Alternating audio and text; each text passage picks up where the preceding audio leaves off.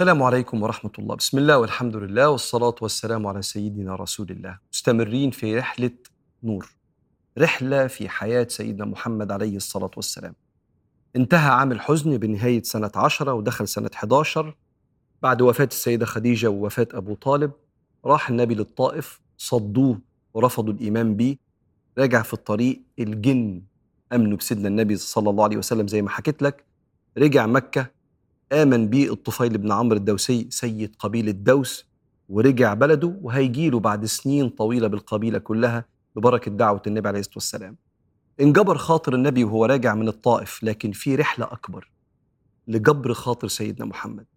والطبطبة على هذا الكتف اللي بقاله سنين شايل هم الأمة وشايل مصالح الأمة ودعم وسند لكل واحد مؤمن بيه بل أقول لك دعم وسند للي مش مؤمنين بيه كمان بدعائهم ليه بالهداية.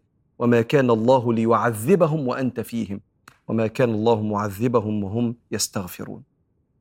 بالليل في يوم من الأيام يجي الأمر من ربنا لسيدنا جبريل. إحنا عايزين محمد يطلع للسماء. بس الأول يصلي في بيت المقدس. ففي ليلة قبل هجرة النبي بسنة في ربيع الأول. ينزل سيدنا جبريل بالبراق وهي دابة. اعتبرها إن هي حصان صغير ما دون البغل وفوق الحمار. عند فخذيه جناحين. يضع حافره عند منتهى بصره. يعني يبص آخر ما تجيب عينيه في لحظة يبقى هناك. سرعة الضوء. وبالليل كان النبي عليه الصلاة والسلام إما في بيته وإما في بيت عمامه وإما عند الكعبة. روايات في قصص السيرة. المهم إن القرآن قال إنه كان في مكة في البيت الحرام وينزل القرآن. سبحان الذي أسرى بعبده ليلا من المسجد الحرام إلى المسجد الأقصى الذي باركنا حوله. ليه؟ لنريه من آياتنا. ربنا عايز النبي يشوف آيات تثبت قلبه. طبطب على كتفه. سبحان يعني انفي عن ربنا أي نقص فهو على كل شيء قدير. اللي هتشوفوه ده يا أهل كل زمن معجزة والمعجزة هي فعل خارق للعادة خاضع لقدرة ربنا. المعلومة دي مهمة جدا. إنك تبقى عارف إن معجزات الأنبياء مش خاضعة لقدره الأنبياء خاضعة لله اللي هو على كل شيء قدير. وأنا من 3 4000 سنة لو كنت قلت لك إن أنا الترابيزة دي هوديها في آخر الدنيا مثلا في أوروبا. بعد 3 4 ساعات أنت ما كنتش تصدقني. دي تروح في شهرين ثلاثة لكن دلوقتي بقدرات البشر هبعتها في طيارة توصل أوروبا بعد 3 4 ساعات. لو الفيديو اللي أنا بسجله دلوقتي بعته يوصل بعد ثانيتين آخر الدنيا في أمريكا ولا أستراليا عمرك ما كنت تصدق. أصبح خاضع لقدرة البشر دلوقتي. ما بالك بقدرة ربنا؟ ينزل سيدنا جبريل يطلع النبي عليه الصلاة والسلام عشان يركب على البراق البراق يتهز شيء من رجفة الهيبة لسيدنا النبي عليه الصلاة والسلام فجبريل يقول له أثبت فوالله ما ركب عليك أعظم من محمد فيسكن. ويركب سيدنا النبي عليه الصلاة والسلام وينطلقوا رايحين لبيت المقدس. طيارة من السعودية للشام ممكن تاخد تقريبا ساعتين ونص ثلاث ساعات. فحتى البشر اللي هم قدراتهم بتتطور بإذن الله عرفوا يعملوها. زمان كانت معجزة عظيمة. بس خد بالك في معجزة جاية كمان أعظم هي صعوده صلى الله عليه وسلم للسماء. في الطريق من مكة لبيت المقدس يشوف النبي عليه الصلاة والسلام أكتر من مشهد. المشهد الأول قال صلى الله عليه وسلم مررت ليلة أسري بي. على موسى عند الكثيب الأحمر يصلي في قبره. عقيدتنا أن الأنبياء كما قال صلى الله عليه وسلم أحياء في قبورهم. إن الأرض لا تأكل أجساد الأنبياء زي ما النبي قال. فكأن النبي بيشوف تاريخ النبوة وهو معدي بص نظر على قبر سيدنا موسى حي يصلي في قبره. وبعدين وهو ماشي مع سيدنا جبريل شم ريحة حلوة قوي. إيه الريحة دي قال له دي ريحة قبر ماشطة بنت فرعون. ماشطة بنت فرعون اللي بتسرح لبنت فرعون شعرها. إيه الحكاية؟ جبريل قال له كانت بتسرح لها شعرها وكانت مؤمنة. فوقع المشط منها فبتجيب المشط قالت بسم الله. فبنت فرعون قالت الله؟ أبي؟ قالت له لا. قالت لها لا. ربي وربك ورب أبيك. قالت لها أخبر أبي؟ قالت نعم. فراحت قالت لأبوها ده بتقول بسم الله إله غيرك. قال لها إله غيري؟ قالت نعم. ربي وربك الله. فجاب بقرة بقرة يعني زي قدر كبير كده من نحاس وملاها زيت وخلى الزيت يغلي. وقام جايبها هو وعيالها وبدأ يرمي العيال قدامها قالت له ليه طلب عندك؟ إيه الطلب ده؟ أن تجمع عظامي أنا وأولادي فتدفن في قبر واحد؟ قال لك علي هذا. اتفقنا. وكان في إيديها طفل رضيع لسه هيرميها بالطفل فترددت كده طبيعي إنسان عنده دافع بقاء. فالطفل الرضيع تكلم وقال اثبتي يا أمي فإنك على الحق. فاترمت. وسيدنا ابن عباس وهو بيحكي القصة دي قال إن ده من الأربعة اللي تكلموا في الطفولة في المهد. سيدنا عيسى ابن مريم كما في سورة مريم عندنا والطفل بتاع جريج يبقى يبحث عن الحاجات دي وشاهد اللي شهد لسيدنا يوسف وقت امرأة العزيز والرابع الطفل أو الغلام بتاع ماشطة بنت فرعون. يوصل سيدنا النبي بعد ما يشوف تاريخ الدعوات والصبر والتضحية وهو ماشي يوصل لبيت المقدس ينزل صلى الله عليه وآله وسلم ويربط البراق في حائط البراق ويخش يلاقي كل الأنبياء. عدد الأنبياء اللي نعرفهم اللي ذكرهم سيدنا النبي 124 ألف نبي ورسول. نعرف أسماء منهم 25 ذكروا في القرآن. يقول فدخلت فإذا موسى وعيسى وإبراهيم. موسى ضرب جعد كرجال شنوءة. ضرب جعد يعني طويل ورفيع وشعره أكرت شوية زي قبيلة شنوءة اللي هي آه، في اليمن. وأما عيسى فأشبه الناس به عروة بن مسعود الثقفي. الصحابة كانوا عارفين مين عروة ده؟ راجل كده إيه أبيضاني وشعره فاتح شوية كده. ورأيت إبراهيم كلهم يصلون. أشبه الناس به صاحبكم. سيدنا إبراهيم كان شبه النبي عليه الصلاة والسلام. حتى جاءت وقت الصلاة فصليت بهم ونكمل مع بعض القصة. العلماء بيقولوا إن سيدنا النبي عليه الصلاة والسلام أسري بجسده وروحه. من المسجد الحرام للمسجد الأقصى وبعدين طلع بجسده وروحه إلى السماء. وإحنا نصدق قوي الكلام ده لأن إحنا أصلا في العصور اللي إحنا فيها بنعرف إن إحنا نمشي بالجسد والروح بالطيارات ما بين البلاد اللي ممكن زمان كانوا ياخدوها بالإبل في شهور ناخدها في ساعات قليلة. فإذا كان البشر قدر على ذلك فما ظنك بقدرة رب البشر. الرحلة دي رحلة جبر خاطر لسيدنا النبي عليه الصلاة والسلام. ورحلة هيشوف فيها تاريخ البشرية وهي بتضحي بالغالي والرخيص عشان ربنا عشان يرجع يحكي لنا. وجميل قوي لما شاف سيدنا موسى بيصلي في قبره حي. إحنا عندنا كتب للعلماء عن حياة الأنبياء في قبورهم. إذا كان الشهداء أحياء عند ربهم يرزقون. أمال الأنبياء فين؟ وإحنا عندنا النبيين اثنين الصديقين ثلاثة الشهداء أربعة الصالحين. فالنبيين أصلا في حتة كبيرة جدا عند ربنا عالية جدا. فلو كان سيدنا موسى بيصلي امال سيدنا النبي بيعمل إيه في قبره دلوقتي؟ آه مشغول بالدعاء لينا ورد السلام والصلاة لما بنصلي ونسلم عليه هو اللي كده فأرد عليه السلام. لما حد بيسلم هو قال ردوا عليه السلام. معانا صلى الله عليه وسلم وهو اللي قال حياتي خير لكم ومماتي خير لكم تعرض علي أعمالكم. فما رأيت من خير أحمد الله لكم وما وجدت من شر أستغفر الله لكم. لكن خدت بالك ليه ربنا يوري, يوري سيدنا النبي ويحكي لنا ماشطة بنت فرعون اللي ضحت بروحها عشان عقيدتها؟ وكأن تاريخ البشرية كلها في بشر بعيد عن ربنا ما اختاروش ربنا وفي بشر لما اختاروا ربنا قلبهم نور. فما رضيوش بديل عن ربنا ومستعدين لأي معاناة في سبيل إن ربنا يبقى يرضى عني أصحى أصلي الفجر بدري وأجتهد في شغلي لغاية ما أروح. مش شايف قدامي واخدم على أسرتي وعلى حبايبي حياة ليها قيمة. كل ما ربنا ينظر ليا يلاقيني بعمل حاجة هو يرضى عنها.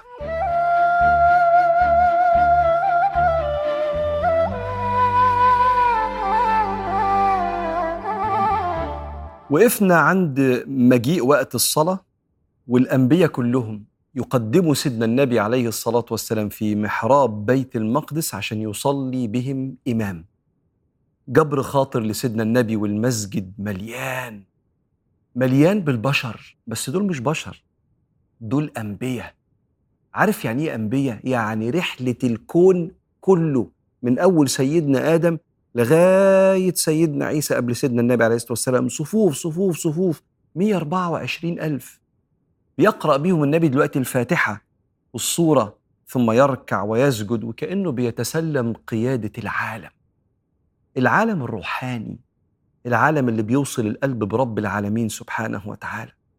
جبر خاطر لسيدنا محمد وبشارة الفتح إن ربنا هيوريك المشهد ده في الدنيا وحصل وراء الناس يدخلون في دين الله أفواجا وحج مع عدد بعد كام سنة قريب من العدد ده. يطلع سيدنا النبي عليه الصلاة والسلام علشان يركب البراق تاني. وقبل ما يركب البراق يجيب له سيدنا جبريل كما في الحديث إناء من لبن وإناء من خمر. فضل اشرب. فيختار صلى الله عليه وآله وسلم إناء اللبن فيشرب. فسيدنا جبريل يقول له اخترت الفطرة. وفي قصة أو في رواية أخرى هديت إلى الفطرة وهديت أمتك. ما دام اخترت اللبن عمر ما الخمر كانت الفطرة. أنت اخترت الطريق الصح اللي فيه الرزق الحلال. يركب البراق وبعدين والنجم إذا هوى ما ضل صاحبكم وما غوى وما ينطق عن الهوى إن هو إلا وحي يوحى علمه شديد القوى ذو مرة فاستوى وهو بالأفق الأعلى. يطلع صلى الله عليه وسلم على طول على السماء. وأول ما جبريل يخبط على السماء السماوات السبع ليها زي حراس وملائكة. فيقولوا له من معك؟ فيقول لهم محمد.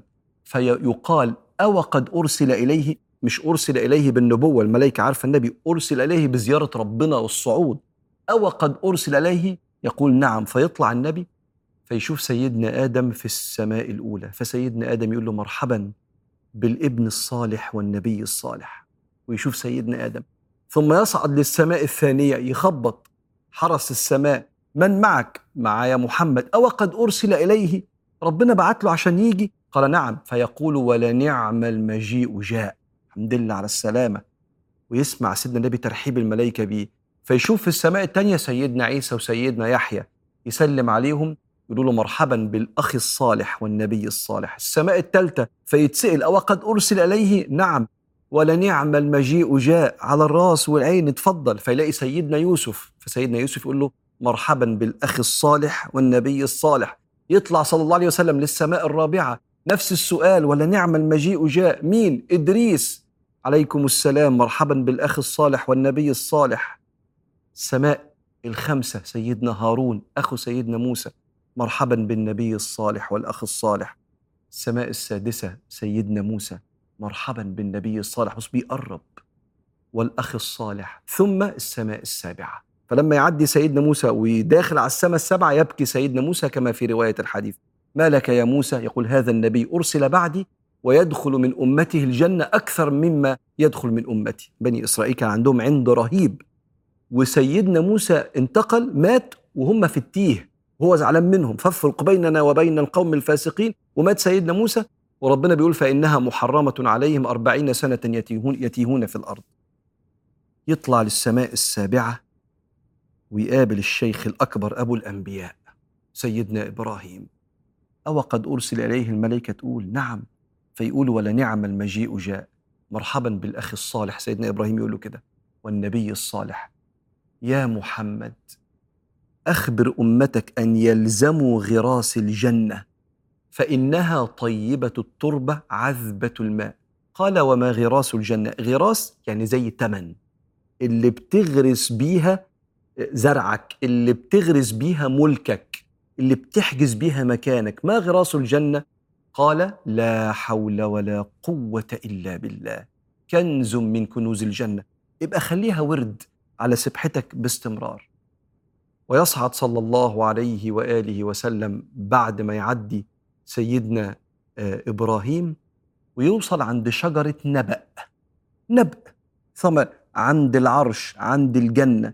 قال تعالى عند سدرة المنتهى. عندها جنة المأوى. إذ يغشى السدرة ما يغشى. لما النبي وصل جه عليها ألوان ما خطرت على قلب بشر وكأنها بتتزين هذه الشجرة اللي عند العرش اللي عند جنة المأوى لاستقبال سيدنا النبي عليه الصلاة والسلام. فنظر النبي إلى أبواب الجنة فرأى مكتوب عليها الصدقة بعشر أمثالها والقرض بثمانية عشر. فقال يا جبريل ما بال القرض أعلى من الصدقة؟ قال لأن السائل الذي يطلب الصدقة يسأل وعنده أما المستقرض فإنما يسأل وما عنده شيء. الخطوة الجاية هتبقى مع ربنا. ثلاث مشاهد كلهم نور. المشهد الأولاني لما النبي اتعرض عليه عليه الصلاة والسلام الخمرة واللبن فاختار اللبن فسيدنا جبريل قال اخترت الفطرة. كأن سيدنا جبريل بيقول لكل واحد فينا الخمرة مش فطرة. الفطرة بتتدمر بالخمرة والمخدرات. الفطرة والنفسية والقلب بيضلم وبيفقد أنوار سابها لنا النبي عليه الصلاة والسلام. بيفقد ثقته في نفسه وإحساسه إنه قدام ربنا كده كبير لأنه بيرتكب كبيرة من أكبر الكبائر. خد بالك من المسألة دي. الحاجة التانية لما سيدنا إبراهيم يقول لسيدنا النبي عليه الصلاة والسلام قول لأمتك حاجة يبقى ركز مع سيدنا إبراهيم قوي. لأن ده جاي لك من إيه؟ من أبو الأنبياء اللي في السماء السابعة. قول لهم إن الجنة حلوة وغراسها كنز. لا حول ولا قوة إلا بالله. لا حائل بيننا وبين الأزمات ولا المصائب ولا مقوي على كل خير إلا الله. شوف فاعل واحد في الكون هو الله. وبالمناسبة عاشها سيدنا إبراهيم. عاشها يوم ما ربنا حمى ابنه من السكين. السكين مش فاعلة الفاعل الله. فلا حول ولا قوة إلا بالله. يوم ما حماه من اللي بيقول أنا أحيي وأميت وكان بيعدم ده ويعمل ويسجن ده ويطلع ده. لا حامي إلا الله الفاعل هو الله. ويوم ما حماه مش حماه بقى حمى زوجته ستنا هاجر وابنه إسماعيل من الأرض اللي لا زرع فيها ولا ماء وتفجر بيه زمزم اللي كل البشرية دلوقتي إن شاء الله يعني وعايشين في خيره. المسلمين كلهم بالمليارات بيشربوا منه كل سنة. فهو شاف الفاعل الوحيد. بس لك على حاجة خدت بالك والنبي نازل كده وشاف الجنة مكتوب عليها إن الصدقة بعشر أمثالها وإن القرض ب 18 مكتوب على باب الجنة موضوع عن السند. يعني الموضوع اللي مكتوب على باب الجنة ليه علاقة بالمساعدة والسند والدعم واللي بيسلف الناس واللي بيتصدق واللي بيشتغل عشان يبقى عنده وفرة فيفتح بيوت. كأن خلاصة أبواب الجنة إنك تبقى نافع للي حواليك ومسؤول كده. يعني خير خير على اللي حواليك. مش مش عبء. وساعتها البني آدم هيشوف مقامات الناس اللي بيعملوا الحاجة اللي مكتوبة على باب الجنة.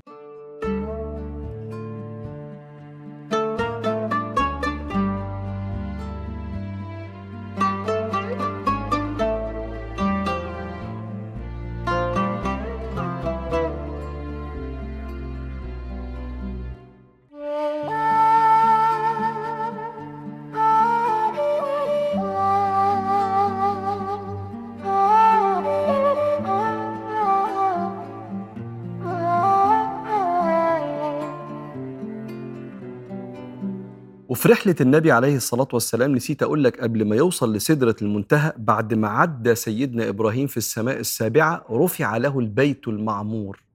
فقلت ما هذا يا جبريل؟ قال هذا هو البيت المعمور وكأنه كعبة الملائكة. يدخله في اليوم سبعون ألف ملك يحجون أو يطوفون ثم يخرجون لا يعودون إلى يوم القيامة. لأن ربنا عنده أعداد من الملائكة ما تخطرش على قلب بشر. ده ربنا عنده أعداد من الحيوانات والطيور والحشرات ما تخطرش أصلا على قلب بشر فما بالك بخلق أعظم وهم الملائكة. ثم يصعد النبي عليه الصلاة والسلام فيرى نهرا على ضفافه قباب اللؤلؤ البيوت والفلل اللي على المية من لؤلؤ.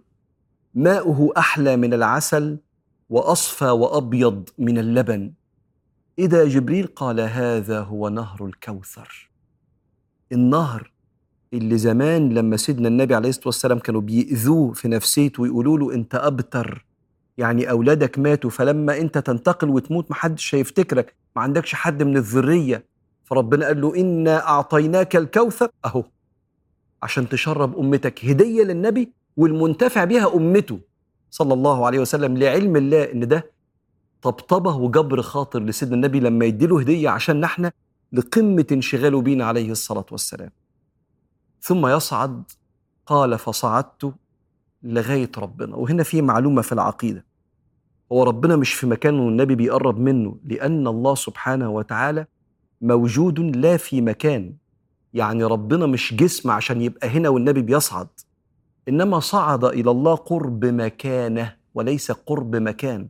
الله سبحانه وتعالى لا تحويه الجهات الست زي ما بيقول سيدنا الإمام الطحاوي في العقيدة الطحاوية. فهو مش هنا والنبي عمال يقرب يقرب لغاية ما لا إنما اقترب من ربه قرب مكانة وليس قرب مكان زي ما المشايخ علمونا في دروس العقيدة. يعني زي ما ربنا بيقول في القرآن فكان قاب قوسين أو أدنى فأوحى إلى عبده ما أوحى. أوحت له بإيه يا رب؟ الصلوات الخمسة وآخر آيتين في سورة البقرة والآية اللي بتقول إن ربنا بيغفر كل شيء إلا الشرك إن الله لا يغفر أن يشرك به ويغفر ما دون ذلك لمن يشاء. بس الصلوات الخمسة لما سيدنا النبي طلع فربنا قال له افترضت على أمتك خمسين صلاة. عايز أقابل حبايبي خمسين مرة. يطلبوا اللي هم عايزينه واغفر لهم ويدعوني. ويشعروا بسكينة المواجهة وهم واقفين قدام ربنا ونور ربنا بيخش في قلبهم. بحبهم أشوفهم خمسين مرة. حاضر يا رب هنزل أقول لهم.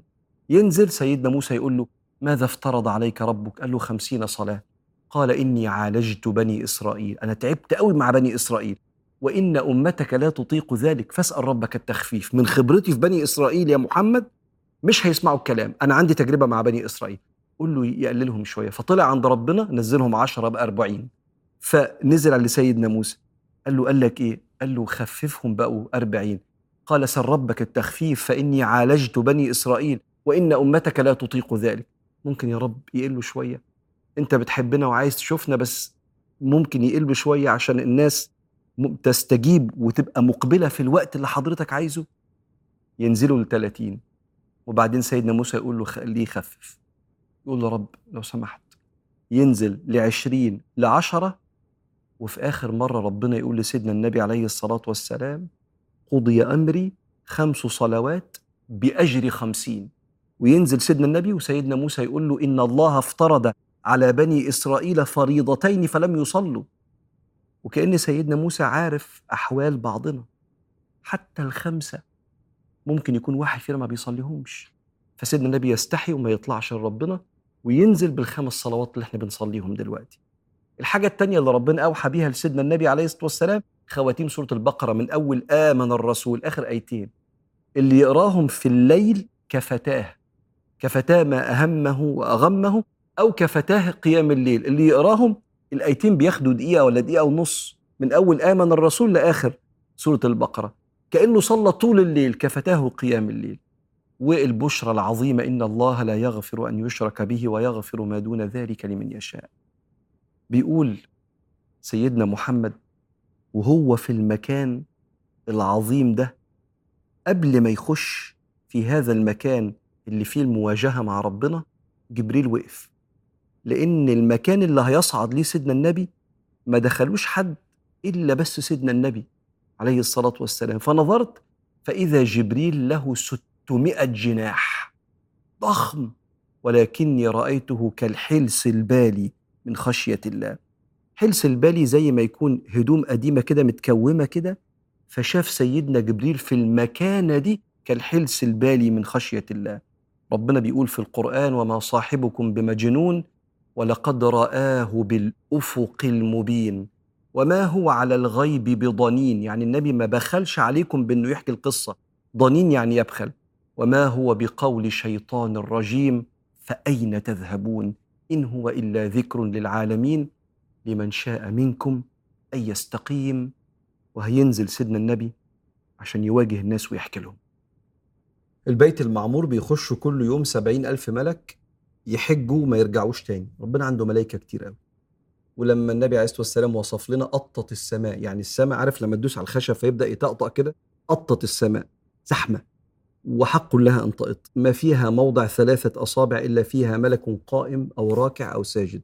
حتى إذا قامت القيامة قاموا يقولون سبحانك يعرفوا ربنا سبحانك ما عبدناك حق عبادتك. إحنا عملنا اللي نقدر عليه بس ده ما يليقش بيك يا رب.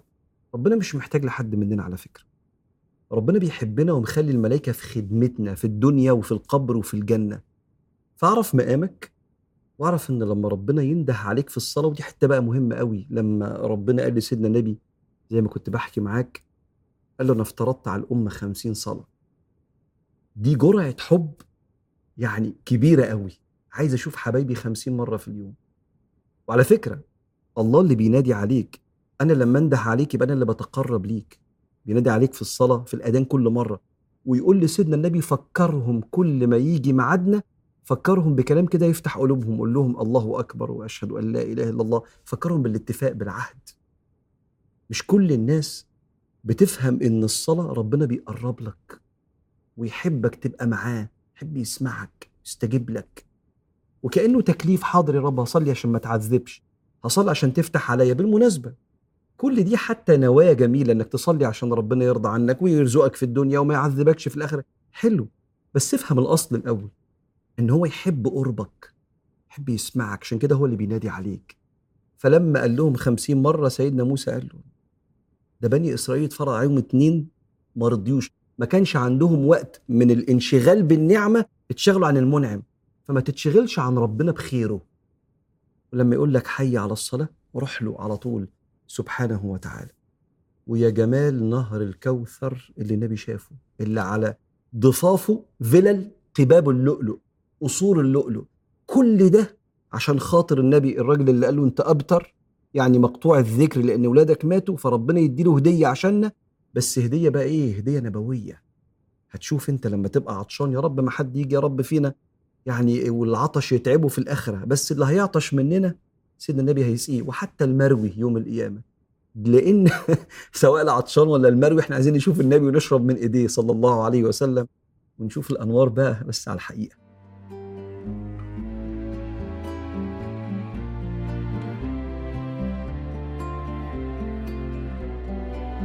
لكن قبل ما ينزل سيدنا النبي عليه الصلاة والسلام من السماء أراد ربنا أنه يوري له بعض ألوان العذاب في النار. فرأى سيدنا النبي عليه الصلاة والسلام عذاب آكل الربا اللي بيستغل احتياج الناس وبيستنزفهم وعذاب آكل مال اليتيم وآكل الحرام وعذاب اللي بيغتاب ويقع في أعراض الناس وعذاب الزناء الذين لم يتوبوا إلى الله. صور كتير شافها منها رأيت أقواما بأظفار من نحاس يخمشون وجوههم وصدورهم. فقلت من هؤلاء يا جبريل؟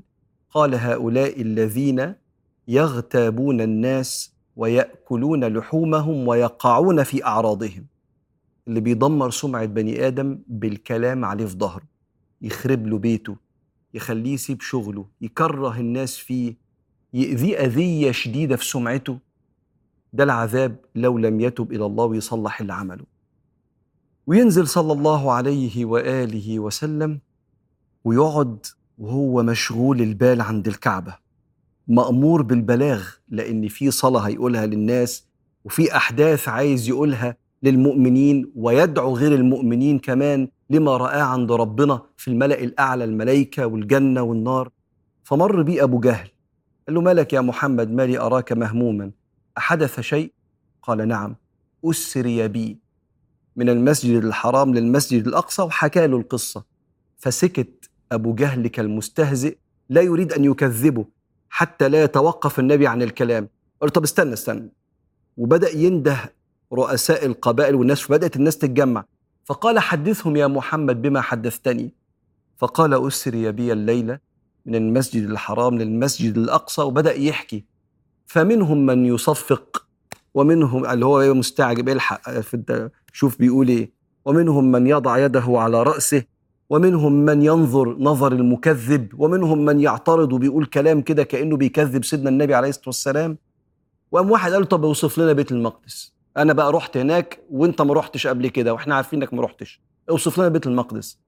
قال فظللت صلى الله عليه وسلم أنعت يعني أصف فظللت أنعت لهم بيت المقدس ثم التبس علي بعض طرقاته اللي أنا فاكره من اللي شفته.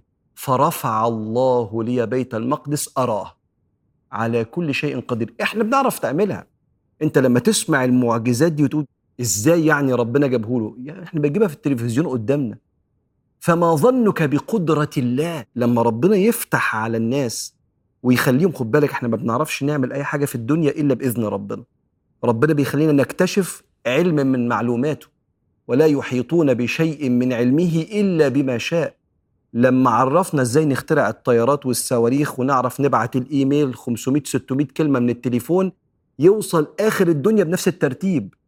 وما كناش نعرف إن الهواء ولا الأسلاك بيشيل الحاجات دي. عرفنا سبحانه وتعالى من علمه.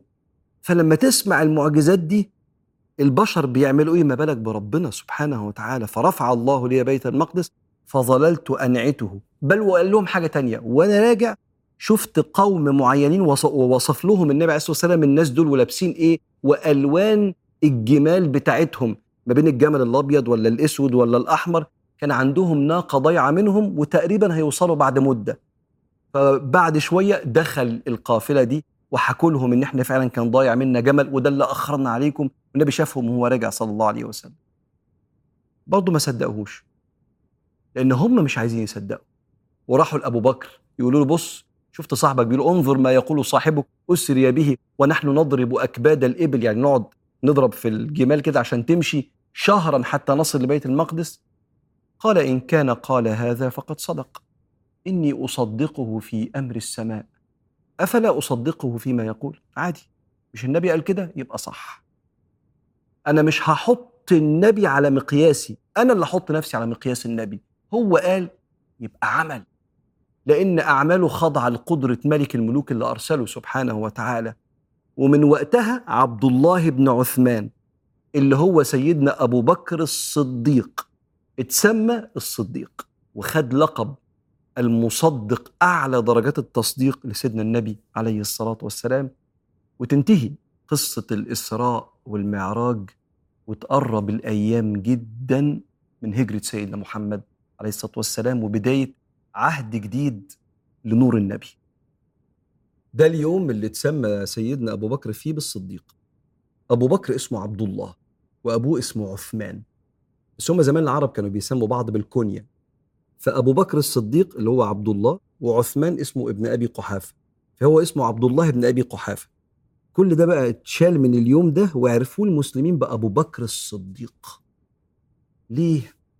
لأن الناس شكت في كلام سيدنا النبي لكن هو أنا معاك ده أنا بصدقك في اللي أكبر من كده بكتير. مش أنت قلت؟ يبقى صح. كان يقول لك صديقك من صدقك لا من صدقك. لكن سيدنا أبو بكر الصديق صدق النبي وصدق النبي عليه الصلاة الاثنين كان صادق مع رسول الله وصدق النبي في كل حاجة. وربنا يقول كده والذي جاء بالصدق النبي عليه الصلاة والسلام. والذي جاء بالصدق وصدق به ده أبو بكر. والذي جاء بالصدق وصدق به أولئك هم المتقون. لهم ما يشاءون عند ربهم. ذلك جزاء المحسنين. وبعدين أبو بكر الصديق بيعلمك إزاي تبقى صاحب صاحبك. إزاي تحس بيه والكل مش حاسس؟ وإزاي تفهمه والكل مش فاهم؟ وإزاي تسنده والكل مشغول عنه؟ فسيدنا النبي واقف وأبو بكر الصديق عارف لما تبقى في حد أنت عينك لما تيجي في عينيه طبعا النبي مش محتاج طاقة من حد بتكلم علينا إحنا بس تيجي عينك في عين حد تاخد منه كم من الفاليديشن التصديق أنت صح كمل. شوف هنا في عيون الآباء والأمهات لما يكونوا مع عيالهم مثلا في بطولة ولا حاجة حس كده إن العيل بيبص لأبوه وأمه وهو في الماتش كده أنا عايز حد يقول لي أنت كبير هتعرف تكمل أنت جامد. فحاول تبقى ده. حاول تبقى ده لأن أقربنا إلى الله أحن أحننا وأرحمنا بصاحبه. الصاحب الجميل ده حتة من الجنة. إذا التقى المؤمنان فتصافحا نزلت عليهما مئة رحمة. تسعون على أكثرهما بشاشة وإقبالا على صاحبه. فاللي مركز ده عايز يسلم سلام حلو ويحضن حضن حلو ويطمن عليك من قلبه ده بينزل عليه 90 رحمة من المية. وعمنا التقيل اللي مش فارقة معاه وبيسلم كده وهو زهقان. ماشي يا سيدي. مش ده انت ربنا رحمك بالعشرة دي بسبب صاحبك الجميل اللي محافظ على العلاقة بسبب جماله. أبو بكر الصديق ثاني اثنين في الإسلام ثاني اثنين في الهجرة ثاني اثنين في الغار ثاني اثنين في القبر.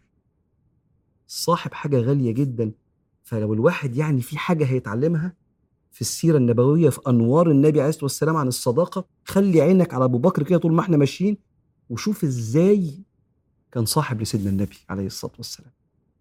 والنجم إذا هوى ما ضل صاحبكم وما غوى وما ينطق عن الهوى إن هو إلا وحي يوحى. علمه شديد القوى ذو مرة فاستوى وهو بالأفق الأعلى.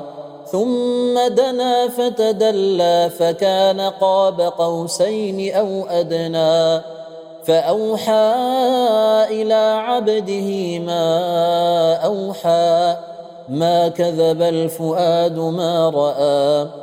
افتمارونه على ما يرى ولقد راه نزله أخرى عند سدره المنتهى عندها جنه الماوى اذ يغشى السدره ما يغشى ما زاغ البصر وما طغى لقد رأى من آيات ربه الكبرى.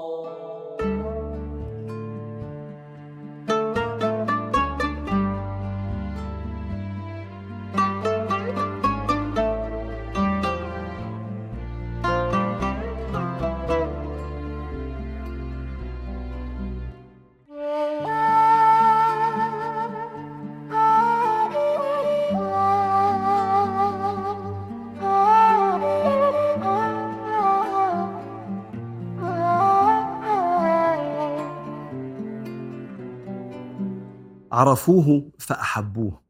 الصحابة عرفوا سيدنا النبي عليه الصلاة والسلام فلما عرفوه تعلقوا بيه جدا فاستمتعوا باتباعه والاقتداء بسنته. ودي سكتنا مع النبي زي سكة الصحابة. كل ما تعرف صفات النبي أكتر عليه الصلاة والسلام كل ما تحبه وتتعلق بيه. فلما تعرف إنه بيأمرك بحاجة أو ينهاك عن حاجة تعرف إن ده من حبه لينا. فتتبعه وأنت نفسك طيبة. الصحابة شافوا سيدنا رسول الله بنفسه الكبيرة مشغول جدا بما يصلح أحوالهم وينفعهم ومتداخل في كل مصالحهم وبيفكر لهم وبيدعي لهم بيحل مشاكلهم وكأنهم شافوا إنسان غير الذاتية والأنانية اللي كانت موجودة وإن كل واحد بيفكر في نفسه إزاي يمتعها ويبسطها حتى ولو على حساب مصالح الآخرين. الناحية التانية خالص بقى. حد ليل نهار هم اللي بين عينيه. طبعا بعد ربه سبحانه وتعالى. سيدة عائشة مرة شافت سيدنا النبي عليه الصلاة والسلام طيب النفس فقالت يا رسول الله ادعو الله لي. فقال اللهم اغفر لعائشة ذنبها ما تقدم منه وما تأخر وما أسرت وما أعلنت. كل الذنوب اللي فات واللي جاي واللي عملته في السر واللي في العلانية فضحكت عائشة من جمال الدعوة حتى سقطت رأسها بين حجريها من كتر الضحك. فقال أتعجبين من دعائي؟ قالت وما لي لا أسر وقد دعوت لي. قال إنها لدعوتي لأمتي في كل صلاة. مبروك. مبروك دعوة النبي في كل صلاة. يغفر لنا ربنا ما تقدم وما تأخر وما أسررنا وما أعلن. مبروك علينا انشغال النبي بينا لغاية يوم القيامة. وده يخليك ما تستغربش والصحابة شايفين سيدنا النبي وفي وفد جاي من الفقراء جدا. دخلوا المسجد عشان يبايعوا النبي ويسلموا. مش لابسين إلا لبس من تحت كده ما عندهمش قماش ما عندهمش لبس إلا بس يستر العورة كده. فسيدنا النبي لما شافهم صعبوا عليه جدا فدخل ثم خرج. دخل ثم خرج يبدو إنه دخل يسأل في أكل وفي فلوس في البيت ولا لأ أو ما لقاش. لأنه عادة كان بيصرف على الفقراء فكتير بيته ما يبقاش فيه إلا المية وشوية تمر. فخرج وهو باله مشغول كده. وبعدين قال للصحابة اللي قاعدين في المسجد هل لا تصدق أحدكم بصاع تمره أو بصاع بره؟ ممكن حد يجيب لنا تمر أو أنواع من التمر يعني؟ أي حد يجيب أي حاجة للناس الغلابة؟ فالناس قاعدة ساكتة كده يبدو أن في شيء من السكوت أو التردد. فغضب النبي صلى الله عليه وسلم. فقام قايم واحد من الأنصار اسمه مش متقال في الحديث. وقام جايب سرة فيها فضة كادت أن تسقط منه وفي رواية سرة فيها بلح كادت أن تسقط منه. فلما الصحابة شافوه كل واحد بدأ يتبادر اللي يجيب بلح واللي يجيب فلوس. فلما النبي شاف التسابق ده تهلل وجهه كأنه مذهبة كأن وشه بيلمع كده صلى الله عليه وسلم. الفرحة إن الغلابة دول الحمد لله يشبعوا. ثم قال صلى الله عليه وآله وسلم من سن في الإسلام سنة حسنة اللي هيبدأ لما يلاقي الناس مترددة فيبدأ هو فالناس تقلده. عارف لما يكون واحد صاحبنا بيتجوز فنمرر كده علينا الإيه الظرف فالناس تحط 20 50 واحد يوم حاطط 200 لأنه شايف إن الناس عندها قدرة إيه البخل ده؟ فيقوم الناس تبدأ غصب عنها إيه تستحي كده والقادر يقوم حاطط المبلغ اللي يقدر عليه. بدل ما يبقى المبلغ الوحدة بتاعته صغيرة 20 جنيه بقت 200 جنيه شايف فيه قدرة. فهو اللي بدأ. فياخد الأجر كله. من سن في الإسلام سنة حسنة فإن له أجرها وأجر من عمل بها إلى يوم القيامة. لما شافوه مشغول كده بما ينفع الناس ووقته وذهنه معاهم حبوه جدا. لأن ده مش هيسيبك صلى الله عليه وسلم لا هيسيبك في الدنيا ولا هيسيبك وأنت بتتحاسب في الآخرة. وده يطمنك على نفسك إنه معاك في الدنيا والآخرة. كان في صحابي اسمه جليبيب فقير ويعني إيه محدش يعني يتمنى إنه يناسبه. فسيدنا رسول الله راح لواحد من الصحابة قال له أنا عايز آه، بطلب إيد بنتك. قال ونعمى عين وكرامة. يا سلام إيه الجمال ده؟ قال ليس لي بل لجليبيب. قال له لجل- لجليبيب؟ طب أستشير أمها. راح لأم, لأم البنت آه، قال لها النبي بيطلب إيد بنتنا. قالت ونعمى عيني وكرامة. يا سلام إيه الجمال ده؟ قال لها مش للنبي لجليبيب. قالت لا لا ننكحها جليبيب. لا بلاش بقى الموضوع ده. فالبنت سمعت. قالت لهم أتردون أمر رسول الله؟ أنا عايز أتجوز جليبيب لأن النبي عليه الصلاة والسلام هو اللي وصى كده والنبي يعرف مصلحتي وأحن عليا من نفسي ومن أبويا وأمي. فلما اتجوزت جليبيب قال النبي صلى الله عليه وسلم اللهم صب عليها الخير صبا ولا تجعل عيشها كدة يا رب وسع عليها وما تشوفش يوم صعب في حياتها. دخل جليبيب في حرب كان مقاتل باسل لقوه مرمي في الأرض وحواليه سبعة آه، من من المشركين. فسيدنا النبي قال قتلهم ثم قتلوه قتلهم ثم قتلوه هو مني وأنا منهم فلما استشهد جليبيب بعد جوازه بفترة قصيرة تسابق الصحابة على الزواج منها سبب دعوة النبي لأنها كانت طيبة وحنينة ورضيت بجليبيب اللهم صب عليها الخير صبا ولا تجعل عيشها كدا فلما شافوا النبي كده وعرفوه مشغول بما ينفع الناس تعلقوا بيه وأحبوه.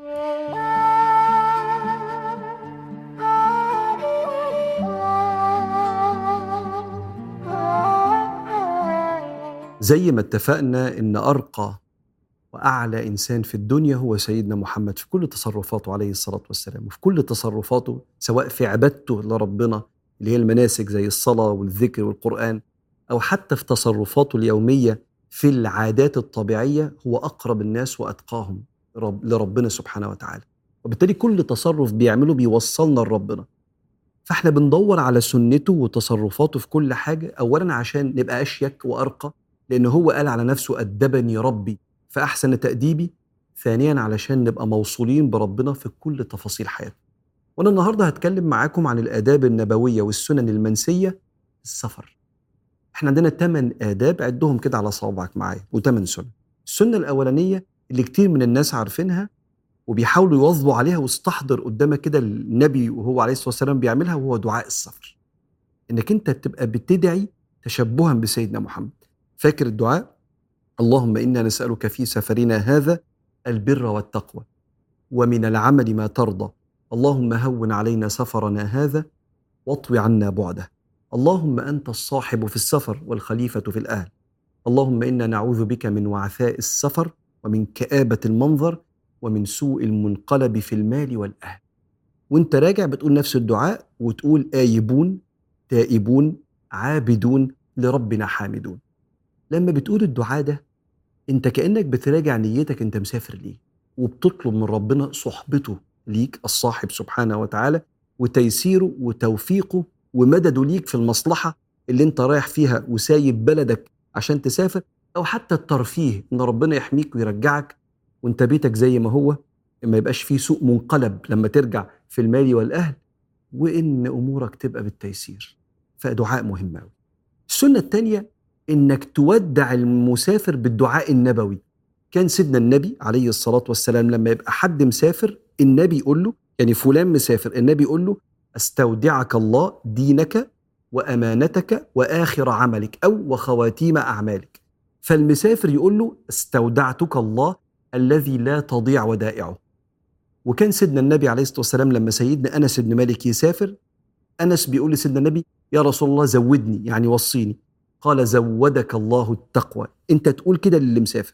قال زدني يا رسول الله. قال وغفر لك. قال زدني يا رسول الله. قال ويسر لك الخير حيث كنت. ربنا يملاك بالتقوى وانت في الحتة اللي انت مسافرها وتبقى دايما قريب لربنا وحالك ما يتغيرش لما تسافر ويغفر لك ذنبك ويوفقك ويمدك بمدده حيث كنت. السنة الثالثة واللي مش مشهورة عند الناس ومنسية فعلا إن وإحنا بنصعد طيارة بتعمل تيك اوف أو طالع بالعربية على مطلع وأنت مسافر وإحنا بننزل في أذكار هنا. سيدنا جابر يقول كده يقول كنا نكبر إذا صعدنا ونسبح إذا نزلنا.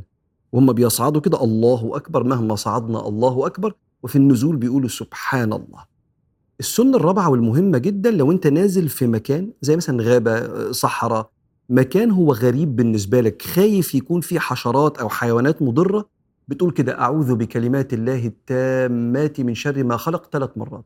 سيدنا النبي يقول كده عليه الصلاة والسلام إذا قال ذلك لم يضره شيء حتى يرتحل من مكانه. أعوذ بكلمات الله التامات من شر ما خلق. من السنن أيضا المنسية في السفر دعاء دخول القرية الجديدة. أنت مسافر من بلدك رايح بلد جديد. وأنت على مشارف البلد بتقول اللهم رب السماوات السبع وما اضللن ورب الأراضين وما أقللن ورب الشياطين وما أضللن ورب الرياح وما ذرين. أسألك من خير هذه القرية وخير أهلها وأعوذ بك من شر هذه القرية وشر أهلها.